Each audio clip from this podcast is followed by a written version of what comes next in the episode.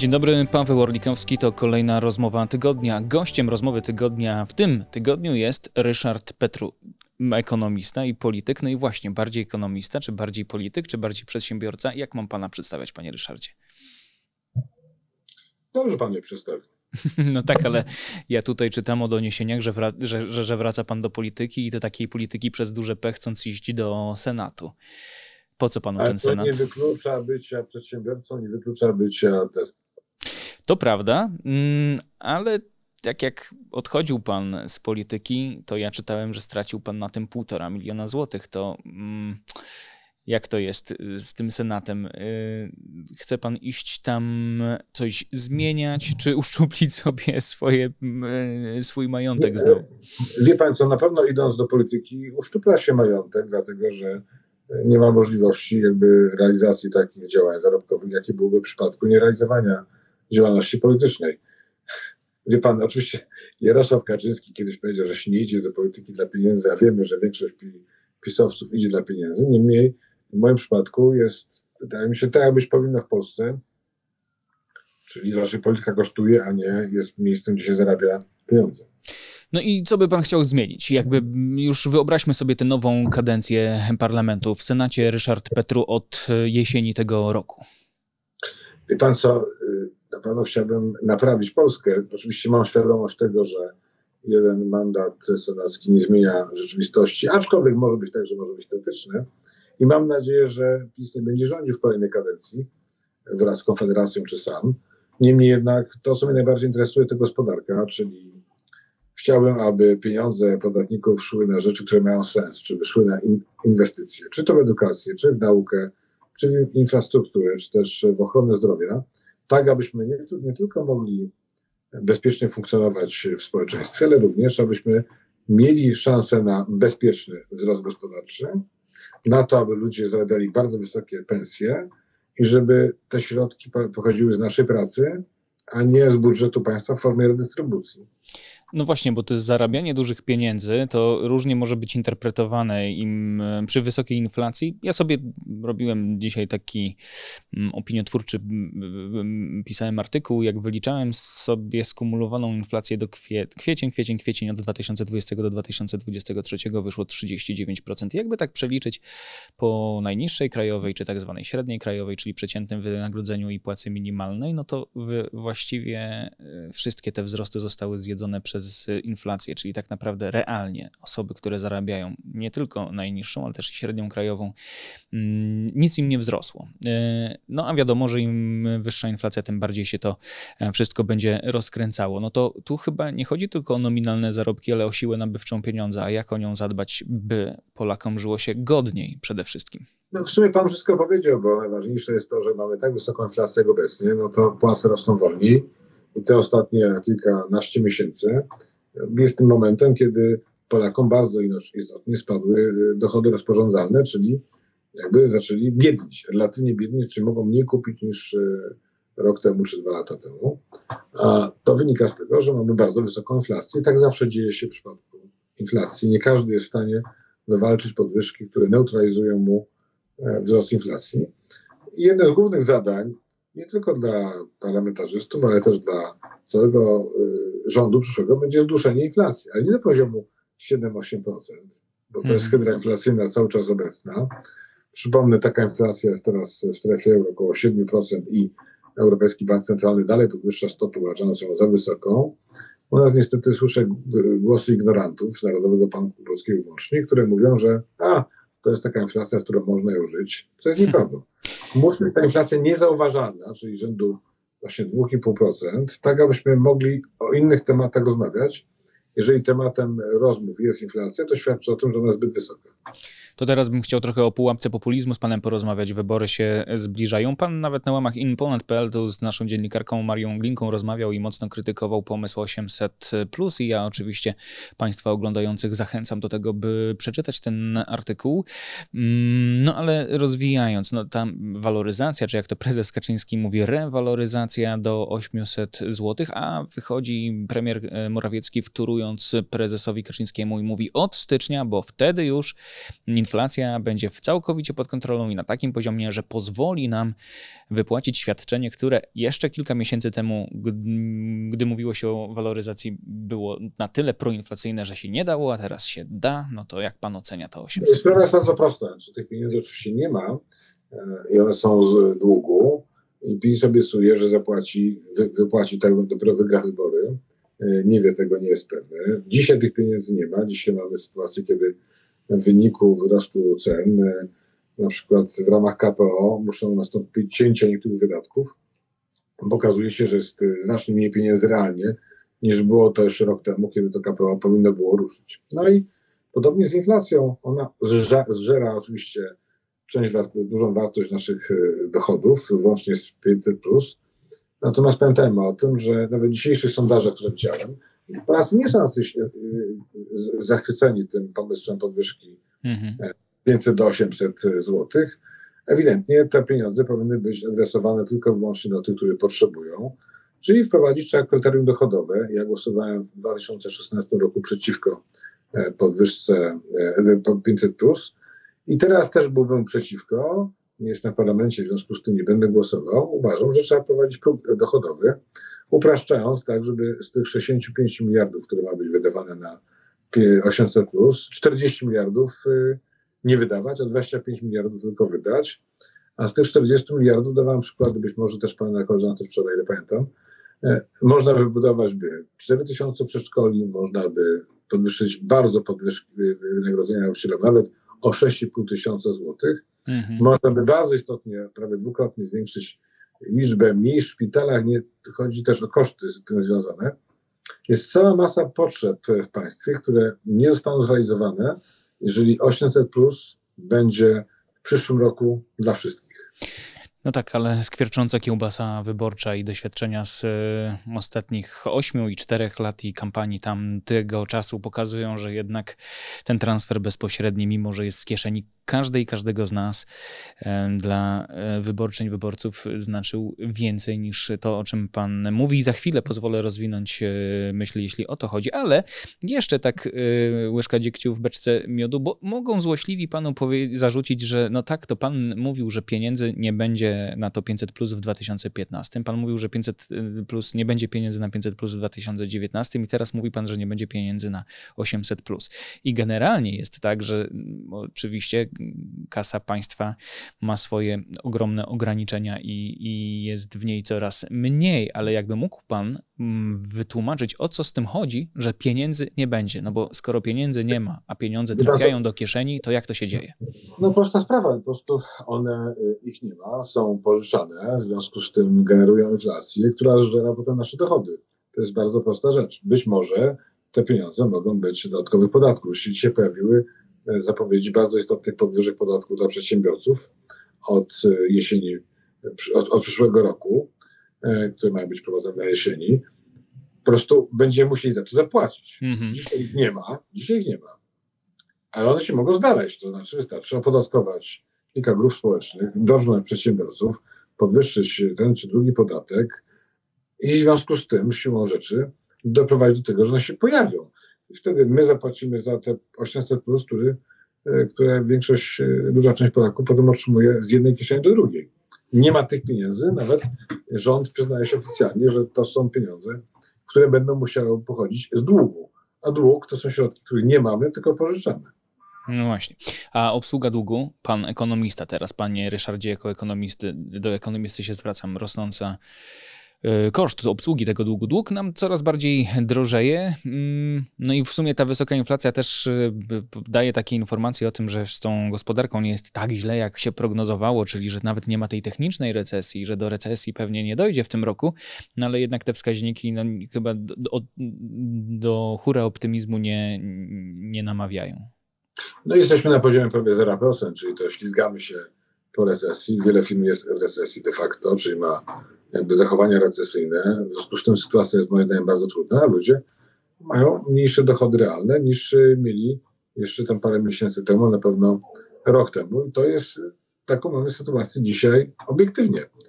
E, jeżeli chodzi o obsługę długu, no to idzie na nią ponad 60 miliardów złotych, prawie, czyli koszt obsługi długu, koszt jakby związane z tym, że musimy opłacać odsetki, będą równoważne tym wydatkom na 500. To pokazuje dodatkowy, można powiedzieć, koszt tego typu programów. No to jest takie bardzo obrazujące porównanie. Ja też może jeszcze odwołam się no, do tej skumulowanej inflacji za sam kwiecień, powiedzmy tylko do tego kwietnia, jak wyliczyłem te 39% od 2020 do 2023, to teraz jeśli ta osoba, 500 plus z kwietnia było warte 305 zł, a gdyby to było 800 plus, czyli 800 zł, to byłoby to realnie 488 zł. No i yy, siła nabywcza, wartość pieniądza spada. Yy, pan mówi, że ekonomista, przedsiębiorca to nie wyklucza obecności w polityce. Jaki byłby pomysł na to, by, by przywrócić godność życia, czyli po prostu by te, ta siła nabywcza pieniądza zaczęła coś znowu znaczyć? Musi być niska inflacja, musi być e, konkurencja na rynku, nie może być nepotyzmu w spółkach Skarbu Państwa, muszą być prywatyzowane. Jak będzie konkurencja, będziemy inwestować w edukację, w jakość infrastruktury, w jakość infrastruktury technicznej, mówię też o, o informatyzacji całego kraju, wtedy dobrze wykształceni ludzie, którzy płacą rozsądnej, podatki na rozsądnym poziomie, są dobrze wykształceni, jak powiedziałem, wiedzą, że dostaną się do E, gabinetu lekarskiego wtedy, kiedy potrzebują, to w takim e, e, środowisku lepiej się zarabia, wyżej się zarabia. Czyli godność można człowiekowi dać przede, przede wszystkim lepiej mu płacąc. Lepiej mu płacąc, kiedy on ma większe warunki do tego, żeby tworzyć większą wartość dodaną, a nie kiedy daje mu się zasiłki. Mhm. No właśnie, ale to teraz do Ryszarda Petru, ale przedsiębiorcy w takim razie, bo ja słyszę e, od różnych przedsiębiorców, czasami bardzo dużych, zatrudniających ludzi w setkach, ale i tysiącach, którzy mówią, mm, nie ma opcji, żebyśmy jeszcze mocniej podnosili płace, bo e, będzie przerost płacy nad produktywnością, czyli że to, co wyprodukowane zostanie no, jakichś dobrach trwałych czy w usługach, będzie mniej warte niż praca, niż opłacenie pracownika. No to to jest niezdrowe środowisko, e, jeśli chodzi o rozwój gospodarczy i może no, przy takiej presji powodować albo redukcję etatów, albo właśnie um, spowolnienie gospodarcze jeszcze mocniejsze i w takim razie pan jako przedsiębiorca, bo mówi pan o tych godnych zarobkach, no ale przy takim otoczeniu gospodarczym, jak dawać godnie zarabiać, by jeszcze no, ale też... Pan, no, mówię, to trzeba zmienić. No, przy tak dużej inflacji, przy zerowym wzroście gospodarczym, przy perspektywie dodatkowego opodatkowania, przy prowadzeniu miesiąc, latami sporów w sądach, i tak dalej, i tak dalej. To wszystko powoduje, że jest duża presja na to, żeby niestety obecnie zwalniać pracowników, mhm. a nie dawać im podwyżki. No, miejmy świadomość tego, że wiele firm e, sprzedaje znacznie mniej niż rok temu i część ludzi po prostu może traci pracę i będzie tracić pracę w najbliższym e, czasie. Na szczęście to nie jest problem masowy, stąd ten poziom bezrobocia nie jest taki wysoki, no ale jak dotyczy już konkretnej osoby ta utrata wynagrodzeniem pracy, to to jest bardzo bolesne i nikomu tego nie życzę. Stąd też, no nie oszukujmy się, że przy zerowym wzroście gospodarczym, jak słyszymy, że są niby pieniądze na 800, plus, to pytanie skąd, kiedy, kiedy ludzie są zwalniani i gospodarka nie generuje dochodu, który byłby dochodem, który powinien być generowany. Ja powiem tylko jedną rzecz o tak zwanej mafii VAT-owskiej, bo tutaj jest e, taka prosta zasada. Jak jest koniunktura, to dochody VAT-u rosną. Jak jest dekoniunktura, to spadają. I dane pokazują jednoznacznie, że dochody z VAT-u w dekoniunkturze około 7% PKB, a w koniunkturze powyżej 8%. I teraz mamy znowu dekoniunkturę i znowu dochody VAT-u e, spadły. To świadczy o tym, że co, może być znowu mafia VAT-owska się pojawiła? Nie. Po prostu nie ma czegoś, rząd nie poprawił istotnie ściągalności podatków, ona po prostu wzrosła, kiedy było napędzana gospodarka sztucznym dochodem, jaki generował rząd, e, wydając więcej, a teraz mamy mniejsze dochody ze względu na to, że gospodarka wpadła w zadyszkę, między innymi z powodu tego, że zbyt dużo wydawano na konsumpcję, za mało na inwestycje. No właśnie, ale to ja już jak mantrę powtarzam, e, słowo semantyka, bo to ma e, szalenie istotne znaczenie i rząd robi to chyba od 8 lat doskonale, czyli nieważne o czym mówi, ale jak mówi, jak to informuje swoim e, wyborcom i potencjalnym wyborcom. I jak pan jako polityk teraz e, czyta ten rok, te najbliższe miesiące kampanijne, bo ja już wspomniałem, że kiełbasa wyborcza skwierczy i teraz co, opozycja ma dorzucać do pieca? Mm, czy... Wie pan, na szczęście są różne partie opozycyjne, są różne opinie, natomiast w pierwszej chwili był, nie chcę powiedzieć zachwyt, ale szok po mhm. czymś, co było oczekiwane, czyli podwyżka 500 do 800+, plus, a dzisiaj są badania, które wskazują, że większość Polaków jest przeciwko. Czyli nie czują tego, żeby ten program ani spełnił swoje kryteria związane z jakby dzietnością. Ja uważam, wie, wie pan, ja, ja mógłbym wygenerować 60 miliardów oszczędności już teraz, czyli likwidacja 13 14 emerytury i 500 plus tylko dla niezamożnych, to jest 60 miliardów oszczędności, które część po prostu i tak musielibyśmy przeznaczyć na niezaciąganie długu, ale z części można by zainwestować w edukację, w nauczycieli, w jakość ochrony zdrowia, w dostępność, w infrastrukturę. Jest co inwestować w Polsce w te rzeczy, które dają potem perspektywę i wyższych zarobków, i godności ludzi rozumianej jako godności z wysokiego wynagrodzenia, które otrzymujemy za pracę. Mhm, ale jak to zrobić w takim otoczeniu? Znowu spytam, bo jeśli racjonal, racjonalność nie ma takiego wzięcia jak populizm, no i co pan na to? Nieprawda. No, są kraje, gdzie populiści po latach prosperity przegrywali. Ja uważam, że populizm raczej nie wygra i bardzo się obawiam o wzrost poparcia dla Konfederacji, która moim zdaniem dogadana z PiSem na powybory, a teraz udaje, że będzie głosować przeciwko wszystkim e, wydatkom socjalnym, strojąc się w piórka Partii Przedsiębiorców. A nie można być przedsiębiorcą, partią przedsiębiorców i ludzi wolnych, będąc za tym, po pierwsze, przeszłości za 500, plus, a po drugie, ograniczając wolności obywatelskie. No, nie ma takiej możliwości, żeby być liberałem tylko w sferze gospodarczej, a w innych być zamordystą. Chcę podkreślić jednak, że dzisiaj im więcej, im dłużej będzie trwał populizm, ten wyścig na obietnicę, tym większe ryzyko, że rząd po wyborach może być nawet gorszy od obecnego. Mhm, a ten scenariusz grecki właśnie i ta pułapka populizmu, bo są ekonomiści, którzy mówią, zbieżności do Grecji jest tak wiele, że to jest już bardzo niebezpieczne. I jest dużo zbieżności, niemniej cieszy mnie sondaże społeczne, które wskazują, że Polacy nie mają euforii z powodu 800. I to jest dobry prognostyk, który zadaje kłam wszystkim tym, którzy mówią, że wygra ten, to, to więcej da. Okay, czyli. Wygra ten, kto będzie wiarygodny w przekazie i, przy, i narysuje przyszłość, oczywiście ciekawszą niż dzisiaj, bardziej godnościową, lepszą, ale wiarygodną. I nie za pieniądze, których nie ma. A Pana zdaniem, e, jak patrzymy na obecne, mm, obecnych graczy politycznych, to kto jest taki, taki jak Pan przed chwilą powiedział? I Pan sobie nie chce komentować e, innych podmiotów na stronie pozycyjnej, dlatego że są zbyt duże wyzwania, żeby podkreślać różnice między nami.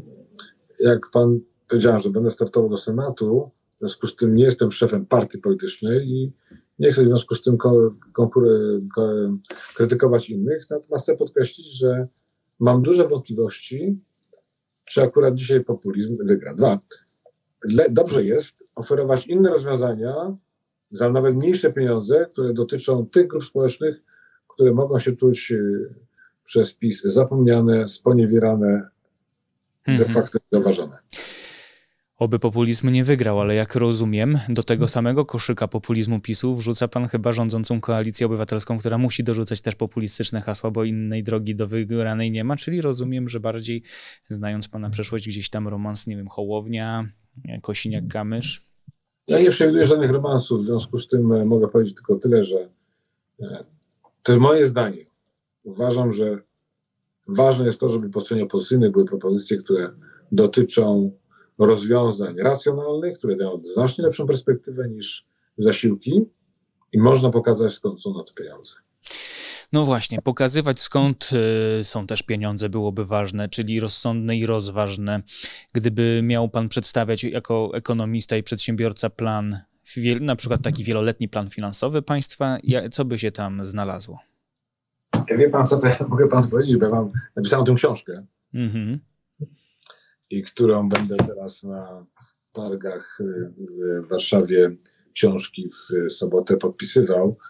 I tam mam cały rozdział dotyczący tego, co trzeba w Polsce zrobić. Nie, nie, nie, nie planowałem akurat reklamować mojej książki Pana w programie, ale chciałem tylko podkreślić, że jest tam bardzo wiele obszarów, to znaczy stabilizacja gospodarcza, stabilizacja finansów, obniżenie podatków, uproszczenie podatków, prywatyzacja, zielony miks energetyczny, który nie wywraca nam, jakby nie podnosi nam zbyt, zbytnio koszty, ale daje, stawia na innowacje. Reforma systemu y, sprawiedliwości, nie tylko odpolitycznienie, ale również doprowadzenie do sytuacji, że te procesy są znacznie szybsze. Jest bardzo dużo szczegółowych rozwiązań, których opisuję w książce, tak aby, no jest plan gospodarczy, oczywiście dla wielu może być zbyt liberalny, ale jest przynajmniej konkretny. No, to widzę konkretna propozycja od e, Ryszarda Petru. Książka, ja nie mam z tym problemów. Jeśli, e, e, promujmy czytanie przede wszystkim, prawda? No ale jest tam hasło, hasło gospodarka zwycięży, czyli kończąc już powoli nasze spotkanie. Sama z siebie ta gospodarka nie zwycięży. Ja już nie chcę tutaj poruszać takich tekst, takich, bo, bo byśmy mogli pewnie godzinami o, o brakach w edukacji finansowej, czy w ogóle braku podstaw edukacji finansowej w Polsce, bo to jest duży temat i, i, i warto pewnie byłoby się nim zająć, choćby na przykład z senackiego punktu widzenia, jeśli tam pan trafi. Ale no, tytuł tej książki to Gospodarka zwycięży. Wymienił pan szereg elementów, ale rozumiem, samo z siebie się nie zrobi. Samo z siebie się nie Oczywiście. Natomiast hasło zwycięży gospodarka to jest tak, że nie można jej też oszukać. I e, wolałbym, żeby gospodarka zwyciężyła i żeby ludzie e, mieli lepszą perspektywę, ale gospodarka też nie jeden rząd e, na świecie położyła i niestety nie ten kraj. Znowu słyszymy o ryzyku niewypłacalności Argentyny, pan wspominał Grecję, ale trzeba też pamiętać o Polsce lat 80. i bankructwem z hiperinflacją, z niespłaconymi długami e, i bardzo podobnym kierunku jak e, dygnitarze PRL-u idą obecni dygnitarze PiSu. Mhm. No to już naprawdę ostatnie pytanie. Pan mówi dygnitarze PiSu. No, na, na, nawiązanie do czasów e, socjalistycznych to już rozumiem, że oglądający sobie sami muszą to opiniować, ale proszę mi, panie Ryszardzie, na koniec powiedzieć, a trzecia kadencja Prawa i Sprawiedliwości, jakby to, co, co by się wtedy działo w Polsce?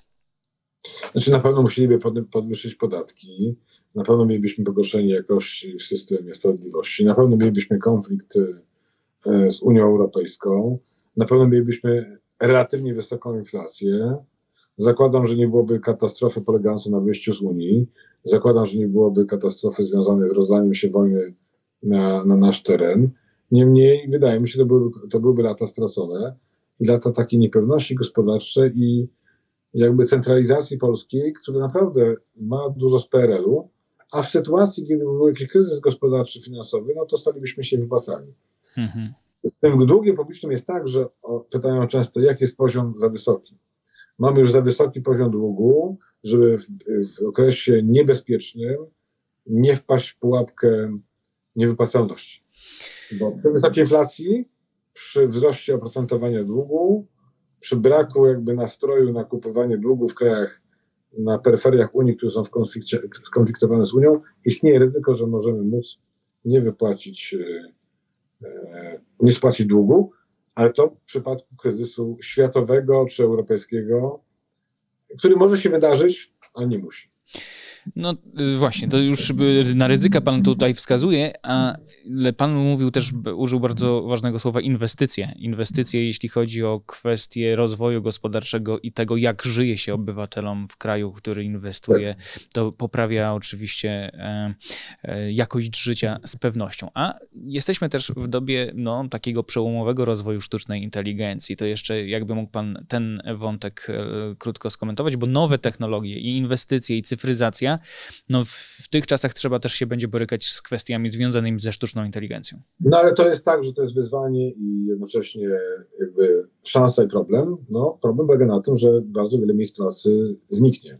Tak. Ale z drugiej strony ci, którzy będą używać sztucznej inteligencji, będą w stanie znacznie więcej zarabiać na jej bazie. Kraje, które nie będą wykorzystywać tego typu metod, będą cały czas nisko zarabiać, a ci, którzy wykorzystają, a to musi być dobra edukacja po to, mhm. dobrze nauczyciele, dobre szkoły, mhm. dobre, dobrze uniwersytety, wysoki poziom nauki, to wtedy, jeżeli będziemy używać tego typu technik, to możemy wszyscy mieć taki skok wynagrodzeniowy bardzo istotny, no bo ta sztuczna inteligencja, inteligencja odciąża nas od wielu e, prostych czynności, które e, wykonują dzisiaj pewne osoby, czy tam grupy osób, a można robić, to może robić ten komputer. Ważne, żeby te osoby były w stanie się dostosować do nowych wyzwań, lifelong learning, czyli żeby umieć się uczyć przez cały czas i robić nowe rzeczy, e, tak aby można było wykorzystywać nowe rozwiązania, jaką jest inteligencja e, sztuczna, której ani ja, ani pan na przykład nie, rok temu jeszcze nie używaliśmy, bo jej nie było. Czyli jak rozumiem, inwestować w mądre, wysoko rozwinięte społeczeństwo, a nie yy, społeczeństwo na tak jest. Jeszcze raz? A nie w społeczeństwo na zasiłkach. No właśnie, i wtedy rozumiem, sztuczna inteligencja nie będzie e, żadną przeszkodą. No to Ale ten. szansą. Słucham? Ale będzie szansą. Tak jest. To ten senat kiedy będzie ogłoszony of- oficjalnie, że start tak, ale, ale, ale lista i, i, i z kim? To kiedy? No, we właściwym momencie wszystko będzie. No niedługo. Niedługo. No dobra, to trzymamy za słowo w takim razie i do zobaczenia i do usłyszenia. Bardzo Dziękuję dziękuję za to spotkanie. Przedsiębiorca, ekonomista i polityk Ryszard e, Petru, a ja Dziękuję nazywam bardzo. się Paweł Orlikowski i zapraszam na kolejną rozmowę tygodnia za tydzień.